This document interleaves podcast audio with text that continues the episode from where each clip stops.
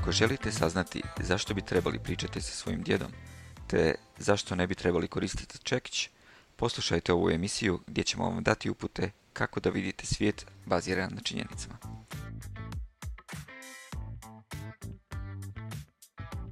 Ok, Brainiacs, znam, situacija je teška, nema se vremena, porodica, posao, frka, posuda. Vi jednostavno nemate vremena čitati knjige koje bi vam pomogle povećati produktivnost i razviti nove vještine. Ali pazi sada, zato je tu za vas podcast Brain Books. U ovom podcastu analiziramo knjige koje vam mogu pomoći da postanete najbolja verzija samog sebe. Moje ime je Ermin, a ovaj podcast vodim zajedno sa svojom dobrom prijateljicom Jasminom. Dobar dan opet, evo ovo je drugi dio podcasta u, kojima će, u kojem ćemo reći nešto malo više. Znači u prvom podcastu smo rekli nešto o samoj knjizi, deset osnovnih instikata koji zapravo utječu na naše viđenje svijeta. U drugom dijelu ćemo vam dati savjete kako izbići ove instikte i kako vidjeti svijet baziran na činjenicama. Također e, daćemo i tri glavne poruke knjige koje svakako mislim da bi trebao svatko od nas ponijeti. Evo, Erni, možda sada da krenemo sa tim određenim savjetima koje bismo mogli ovaj, dati na temelju faktologije od Hansa Roslinga. Jedna od preporuka koje nam Hans u knjizi daje je pričajte sa svojim djedom. Znači, ako želite vidjeti kakav je stvarno svijet, koliko god ga naši roditelji ili naši djedovi idealizirali i govorili kako je prije sve bilo bolje i prije, kako je prije bilo zdravije, kada se stvarno otvore i kada stvarno počnu pričati, onda vidite da, ne znam, nije se u, školu išlo sa samo jednim cipalicama ili, ne znam, nija, da, da specijalnu neko odjeću mogli oblačiti samo za praznike. Svako od naših djedova ili pradjedova ima barem jednog ili dva brata ili sestru koji su umrli kao, kao jako mala djeca. Ako pogledate sadašnje, sadašnje stanje, vidimo da je, ne znam, nija, broj smrtnosti djece je puno manji, da je prije samo 70 godina ljudi, 50% stanovništva u cijelom svijetu je živjelo u ekstremnom siromaštvu. Danas smo uspjeli svesti taj broj na samo 9% ljudi. Da se pismeno stanovništva u 1800. godine je bila 10%, danas je pismenost svjetskog stanovništva već na 86%. Tako da, da, da mi kao čovečanstvo u principu napredujemo. I ako želite vidjeti kako je stvarno stanje bilo prije, i koliko god ono bilo idealizirano od naših roditelja i djedova, popričajte malo s njima da vam kaže kako su oni živjeli kao djeca. Ali moram meni priznati da evo, kada s nekim ljudima starijim razgovaram, oni itekako jesu svjesni nekih činjenica. Možda i oni mhm. koji mi uzimamo zdravo za gotovo, recimo počeš od veš mašine. E, tako da bih rekla da ne idealiziraju sve si tako prošlost i neki su stvarno zaista i svjesni toga. Ali da, mislim da je preporuka uvijek gledati veće vremensko razdoblje i sjetiti se zaista kako su, recimo, pitanje prava žena, kako smo glasovali, to je mogućnost glasovanja prije 100 godina, e, prava djece, rad njihov u tvornicama. Tako da zapravo uvijek ima dodatni stvari za rješavati, znači ne trebamo zatvarati oči prema onome što se sada do, događa, ali svakako uzimati veći vremenski rok i nekako trezvenije gledati na situaciju. Tako da, apsolutno se slažem s tobom e, i kada se to pogleda, zaista nekako smo pozitivni i možemo po meni kretati naprijed. Što je super u uvodu sljedeći savjet pa da, u principu kad pogledamo, to smo i u prošlom podcastu govorili, vezano za porast broja stanovništva, kako većina ljudi misli da ta brojka je praktički nezaustavljiva, pravocrtno se giba i da će samo taj broj rasti i rasti. Međutim, sa ovim činjenicama koje on zaista predstavio iz relevantnih izvora, je pokazao te prognoze da će znači rasti do 2100. godine, ali nakon toga se očekuje pad broja stanovništva. Naravno, to je sad naša uloga ajmo reći, bogatijeg dijela stanovništva da se uh, iskorijeni ekstremno siromaštvo što prije, jer on jeste uzrok porasta broja stanovništva. Imamo znači i druge linije, kao što je Tobna linija, gdje se pokazuje da žene sa većim obrazovanjem sve imaju manje i manje djece, tako da evo mm. zapravo sada je prosjek dva i pol djeteta po ženi. Ok, imamo znači ovaj u Africi možda dio gdje žene i dalje u nekim dijelovima imaju pet petero djece, ali to zapravo se mijenja slika. Onda govorimo o drugim krivuljama, recimo obrazovanosti, procijepljenosti. Znači, postoje u mhm. svijetu, to je u podacima mnogobrojne krivulje i nije samo ta pravocrtna. Tako da kažem, mi bi svi trebali pogledati malo više i istražiti određene stvari da bismo razumjeli. I ono što bih htjela zapravo jedni naglasiti, same te statistike nekad su prekomplicirane. Ono što je velika prednost e, ove knjige je na jednostavan vizualan način su prikazane činjenice i postoji također link koji ćemo ostaviti na kraju e, gdje ljudi mogu pogledati taj gap minder gdje su vizualni podaci kroz neki vreći vremenski period jako ovaj, jednostavan način prikazane zapravo jako bitne stvari. Još jedan savjet koji je meni dopao ovdje je 80-20 e, se zove, ili 80-20. I sviđa mi se zato što je to savjet koji ja primjenjujem u svakodnevnom životu. Znači 80-20 je nešto što se zove Pareto princip. I Pareto je e, talijanski ekonomista koji kaže da 80% naših posljedica onoga što radimo proizilazi iz 20% uzorka. Znači 80% nečega ćemo napraviti sa samo 20% truda, ali ti onda za onih zadnjih 20% treba 80% truda. Ok Brainiacs, ovdje mala digresija.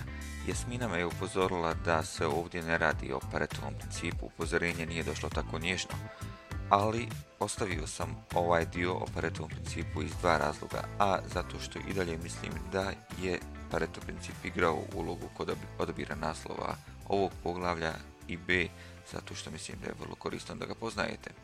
Jasmina instinkt veličine objašnjava ovako. Da, uspore, e, on zapravo i govori taj instinkt veličine, da trebamo uspoređivati brojeve. Znači, kada imate neki broj koji vam je jako šokantan, E, trebalo bi ga uzeti i usporediti sa referentnim brojevima i tako ćemo izbjeći ajmo reći, prenaglašavanje u nekom tom velikom broju. Recimo, tu je primjer e, broj umrle djece, koji je sada 4 miliona, 2016. zapravo bio, ali kada ga usporedimo sa 14 miliona koji je bio pri 1950. to znači znakovito poboljšanje i u primarnoj zdravstvenoj zaštiti, omogućavanje puno više nekih stvari da bi zapravo svaki se e, djetetov život sačuvao. Tako da, evo, preporuka je uvijek znači gledati u odnosu na nešto. Tu se možemo i nadovezati jer ni na ove negativne vijesti. Naravno da će uvijek negativne vijesti e, biti dominantnije od pozitivnih. Pogotovo što su, kada gledamo progres, je recimo spor u odnosu na neke takve e, situacije kao što su potresi kojima se daju velike znakovite vijesti. S druge strane, kada se pogleda ono što smo i u prvom podcastu isto spomenuli, e, broj poginule, poginulih sada u tim prirodnim katastrofama je puno manje zato što se puno više novca uložilo za preventivne mjere. Tako da kažem, kada se konzumiraju vijesti, znači sam koliko ljudi će kliknuti puta i to su najčitanije vijesti što donosi određeni profiti novinskim agencijama. A zapravo je pitanje da li su one zaista toliko ovaj, prisutne. Da, da. To, to je jedno od pitanja, ako se sjećate u prvom dijelu podcasta, pominjali smo o kviz, a ako niste poslušali podcast, vratite se na prvi podcast, pominjali smo pitanja pitanja iz kviza i jedno od pitanja je bilo, ne znam, da li se broj, broj žrtava od prirodnih katastrofa uduplao ili je postao duplo manji ili je ostao isti u zadnjih 100 godina. Ali nema sad otkriti koji je odgovor, to će ne, probati riješiti. Onda to možete. ali poruka u principu je da mediji nekad stavljaju akcenat na, na loše vijesti i samo zato što primamo te loše vijesti kroz svakodnevnije, kroz svakodnevno gledanje medija, dosećujemo utisak da je svijet puno loši. Postepeno popravljanje, popravljanje svijeta ne vidimo odmah, ali ga vidimo u nekom rasponu od 10, 15, 50 godina i tako dalje. Da, tako da zapravo uvijek treba znači, gledati u malom tom širom aspektu. Ali evo, zanimljivo je i njegova preporuka koju on zove Hammers and Nails. Eh, znači, čekići i ekseri, kao što bi rekao Ernest. Hammers and nails je, postoji jedan, jedan, jedna izreka na engleskom jeziku koja kaže za osobu koja ima u ruci čekić sve izgleda kao ekser ili čavo, kako bi Jasmina rekla.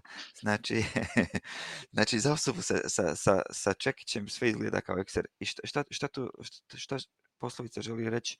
Želi reći da kada, kada slušamo mi stručnjake za određenu temu, oni vrlo brzo pojednostave problematiku i sveduje samo na onu temu gdje su oni stručnjaci. Tipa, ako sam ja stručnjak za ekologiju, onda je problem samo u očuvanju okoliša. ako sam stručnjak za demografiju, onda sve probleme koje imamo u državi su vezani za naše demografsko stanje. Ako sam ako sam stručnjak za imigraciju, onda sve probleme nekako ovaj, na, te, tu imigraciju. Znači, da bi riješili problem, nije nam potreban jedan stručnjak iz jedne oblasti, znači nije nam potreban samo čekić, nego trebamo kolege i sa odvijačima i sa ključevima i sa, i sa mjernim mm, trakama i tako dalje. Znači moramo biti i mi sami kao stručnjaci otvoreni za ideje iz drugih oblasti. Pa da, zapravo je zanimljivo raditi u timu upravo radi takvih aspekata, jer e, kada ljudi dolaze iz različitih područja, ali i regija i kultura, ipak sa time donose veliko bogatstvo jer gledaju izvan okvira, bih rekla. I ono što sam se baš smijala e, vezano i za podcast kada sam nekim ljudima govorila, onda je neko rekao pa ko će to slušati, to nitko ne sluša. I to je ta zapravo i generalizacija i vizura samo iz jednog kuta na što se zapravo mogu e, nadovezati na još taj jedan instinkt o kojem on također govori i gdje kaže e, assume people are not idiots. Znači, nemojte podrazumijevati da su ljudi idioti i, razmislite zašto se neke stvari e, rade kako se rade. također i o tome smo pričali u prvom podcastu i naveli primjer da, u principu kada vidite da se nešto događa ili ako neko reagira iz jedne perspektive, razmislite da li to, e, ako i nije u sukladnu sa vašim promišljanjima, da li to stvarno znači da osoba radi zato što ne zna šta radi ili je možda ipak pametnija od vas. I to je mhm. recimo stvarno jako dobra preporuka jer da, primijetila sam da mi često imamo te obojene naočale, a donosimo nekad sud koji možda i nije uopće adekvat što je jako dobar uvod. Jedna od knjiga koju ćemo analizirati je knjiga koja se zove Okruženi idiotima. Knjiga nam pomaže onda da identificiramo različite kategorije ljudi i da možemo uh, razumjeti sa kakvim tipom ljudi smo okruženi i kako oni razmišljaju. I zapravo na neki način iz toga izvući najbolju korist, jer evo kad gledamo i kako mi radimo ovaj podcast, E, ti imaš jedne karakteristike, ja imam neke druge i samim time možemo neku sinergiju napraviti koja je puno bolja nego da smo istovjetni. Da, to je to. Ja sam kolega sa čekićem, sa jednom trakom. Super. Sljedeći, sljedeći savjet koji nam Hans Rosling daje u svojoj knjizi Faktologija je traži sisteme, a ne heroje. To je tako jedan genijalan princip. Mi imamo tendenciju da se oslanjamo na heroje i da neko ko će imati hero effort, znači neko ko će doći i ne znam nija izvući državu ili projekat iz krize i dovesti nas u neko novo zlatno doba. To se u principu ne dešava, jel? I, I, sistem koji ovisi o samo jednoj osobi, onda nije nikakav sistem i zaslužio da propadne. Ono što, što mi moramo kao, kao osobe nastojati implementirati su mehanizmi Nije to dobre namjere ne funkcioniraju, ono što funkcionira su mehanizmi. Znači moramo te, te naše dobre intencije pretočiti nekako u mehanizam koji će onda funkcionirati i ne oslanjati se na heroje, nego pokušavati napraviti sistem tako da sistem funkcionira i bez heroja. Da, tu je on isto i okrenuo se i, pardon, osvrnuo se i na negativne mm konotacija umjesto heroja, znači ajmo reći i tih zlik ljudi koji mogu ponijeti neke priče. Znači pitanje je opet sistema, a ne s pojedinaca. Da, da. Upravo to. Znači vrlo, vrlo brzo okrivljavamo jednu osobu ili ne znam, jednu naciju, jednu kategoriju ljudi za sve probleme koje imamo, a ne sistem u kojem se nalazimo. Da. I tu bi se zapravo nadovezala i vezano za bombastične e, događaje kada smo emocionalno uvučeni. Lako je znači biti ono što se kaže smiran kad nešto nismo jako involvirani. Međutim, čim smo mi e, emocionalno jako povučeni, e, možemo reagirati impulzivno. I to isto znači još jedna preporuka, ako vidite da je nešto izazvalo u vama jako veliku Eh, veliko uzbuđenje, smirite se i onda donosite odluke. Mislim, većina tih zapravo savjeta je, ajmo reći, poznata, ali opet nekad je zgodno stati i malo se zapitati da li zaista u nekim situacijama ja, ja reagiram preburno, da li reagiram na način kako bih reagirala da sam smirena. I zato se često govori o tim tehnikama disanja prije nego što krenete nešto napraviti. Ako ste previše uzbuđeni radi nekog događaja, prodišite ili udahnite četiri puta i onda idete dalje. Mhm. To je isto jedna od preporuka koja, ajmo reći, sad sve više se o njoj govori. E, genijalno. Da, To, da to mhm. pomenula, to nema veze sad sa, sa, sa knjigom Faktologija direktno, ali postoji jedna knjiga od autora koji se zove Peter Bergman, koji je onako stručnjak za a organizaciju vremena i savjetuje CEO-ove i CTO-ove i tako dalje vrlo velikim korporacijama u Americi. On to isto kaže u svojoj knjizi koja se zove 4 sekunde da trebaš uzeti te četiri sekunde da se malo smiriš, da razmisliš prije nego što reagiraš. Eni, baš mi je drago da si spomenuo i takve neke knjige, jer u principu e, čovjek e, kada sluša različite informacije, zgodno je i takve stvari spomenuti jer jednostavno eh, mi nekad isto što sam već prije spomenula mislimo da svi sve znaju a u principu na kraju shvatiš da baš i ne tako i ova knjiga Factfulness ili faktologija pričajući sa drugim ljudima u svom užem okruženju sam shvatila eh, kako jako malo ljudi zna za tu knjigu još manje ih je pročitalo i jako mi je drago što smo mi uspjeli početi pričati o takvim stvarima jer smatram da nekad trebaju doći određene informacije do šireg broja ljudi, da li kroz nas ili na neki drugi način i samim time možda će im proširiti neke aspekte, promijeniti e, neke poglede i tako. Tako da bih rekla da ova knjiga puno veću vrijednost ima nego što ju se zapravo do mhm. sada daje E, I ono što mi je lijep, zanimljivo što e, potiče na puno stvari.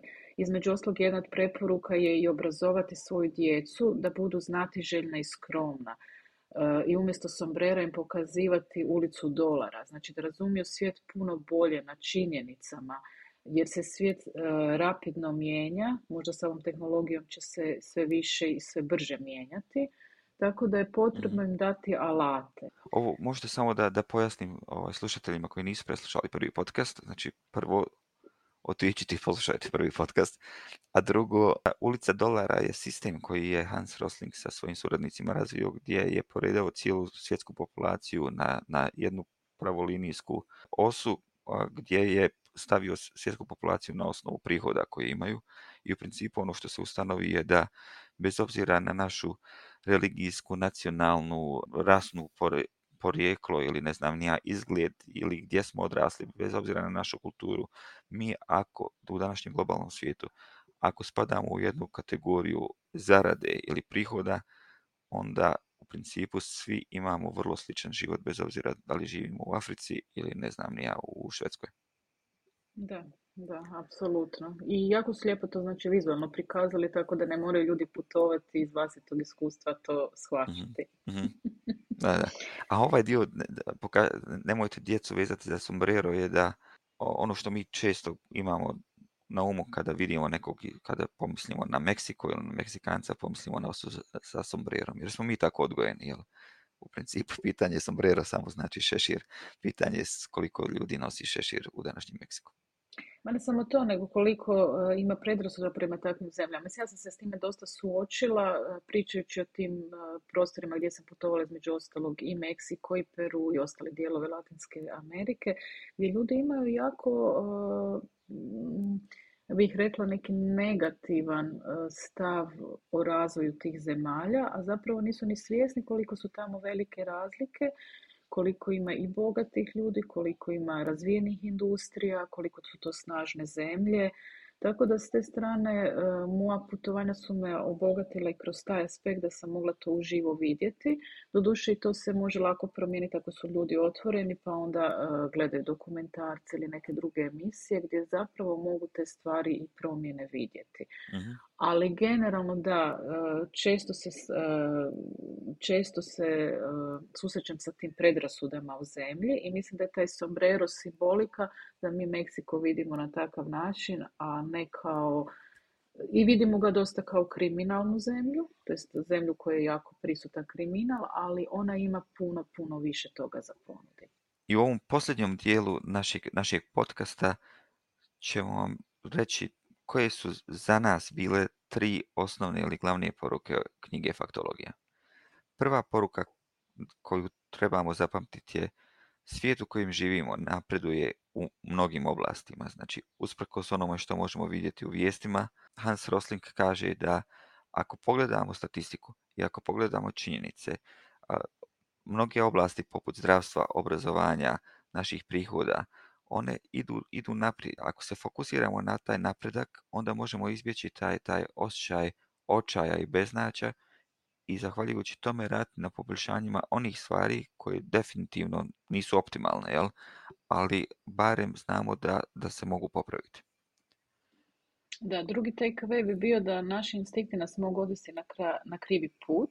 Knjiga je znači identificirala deset glavnih instikata koji zapravo oblikuju naše razumijevanje svijeta, kao što je recimo instinkt jaza, instinkt okrivljavanja i drugi. I e, bitno je biti svjestan tih instikata koji utječu na naše promišljanje svijeta i na neki način ih anulirati. Tako da evo, tu su i neki alati na šta obratiti pažnju i e, da bi mogli zapravo imati pravu sliku svijeta i donositi preciznije prosudbe i eventualno i djelovati u skladu s time. Ok. I treća, treća poruka koju, koju smo pripremili za vas je moramo razmišljati kritički i provjeravati činjenice. Pa u principu ono što većina ljudi sada i naglaša u medijskoj pismenosti, znači nemojte donositi odluke samo temeljem e, jedne pročitane vijesti, nego tražite više izvora za to, tražite konkretne činjenice, sada je dosta tih i stranica dostupno otvoreni sa statističkim podacima. Ja osobno e, gledam i provjeravam takve stvari jer mislim da je jako bitno u ovo vrijeme kada ima jako puno i tih e, lažnih informacija i manipuliranje sa podacima ipak neke stvari provjeriti. Znači, kritičko promišljanje je jedna od glavnih poruka ove knjige. Odlično. Ovim završavamo podcast o si Faktologija od Hansa Roslinga. Hvala vam puno što ste bili s nama u zadnja dva podcasta. Nadam se da je bio zanimljiv, nadam se da ste naučili jako puno. Mi smo iznijeli jednu hrpu činjenica, hrpu podataka, hrpu dijagrama i tako dalje. Te linkove na, ove knjige koje smo pomenuli, poput, ne znam, okruženi diotima, faktologija, 4 seconds i tako dalje, 4 sekunde. Link na ove dijagrame, link na ove podatke ćemo stavljati u narednim sedmicama na našim socijalnim mrežama. Ono što bih htjela dodati samo na Instagramu i Facebooku, ne samo da ćemo imati ove, ove znači linkove, nego ćemo dodatno stavljati neke zanimljive sadržaje gdje ljudi mogu i dodatno nešto naučiti i možda im biti input za možda daljnje čitanje. Ako nas budete tražili na Facebooku i Instagramu, možete nas naći pod imenom podcast.brainbooks. I e, ono što bi bilo super interesantno je da ostavite svoje komentare preporuke, možda želje, koju knjigu biste željeli da pročitamo za vas i da analiziramo za vas i šta bi volili da pokrijemo u sljedećem podcastu? Da, mislim da je to uvijek zanimljivo čitati komentare. Ako budu negativni, ja ću blokirati sve. Uh, sljedeća knjiga koju ćemo pokriti u sljedećem podcastu je jedna od onih knjiga koje su definitivno promijenile moj život na pozitivno i puno je više utjecala na moj život nego faktologija, jer sam ja po prirodi imao i, tako i tako relativno pozitivan pogled na svijet, ali sljedeća knjiga koju ćemo pokriti se zove Atomske navike i u atomskim navikama ćete naučiti trikove kako da prevarite svoj um, da uvedete pozitivne navike u svoj život, a da se riješite svih onih negativnih. Toliko od nas za danas. Puno pozdrava iz uh, Minhena i Zagreba. Hvala vam puno Brainiacs i vidimo se u sljedećem podcastu.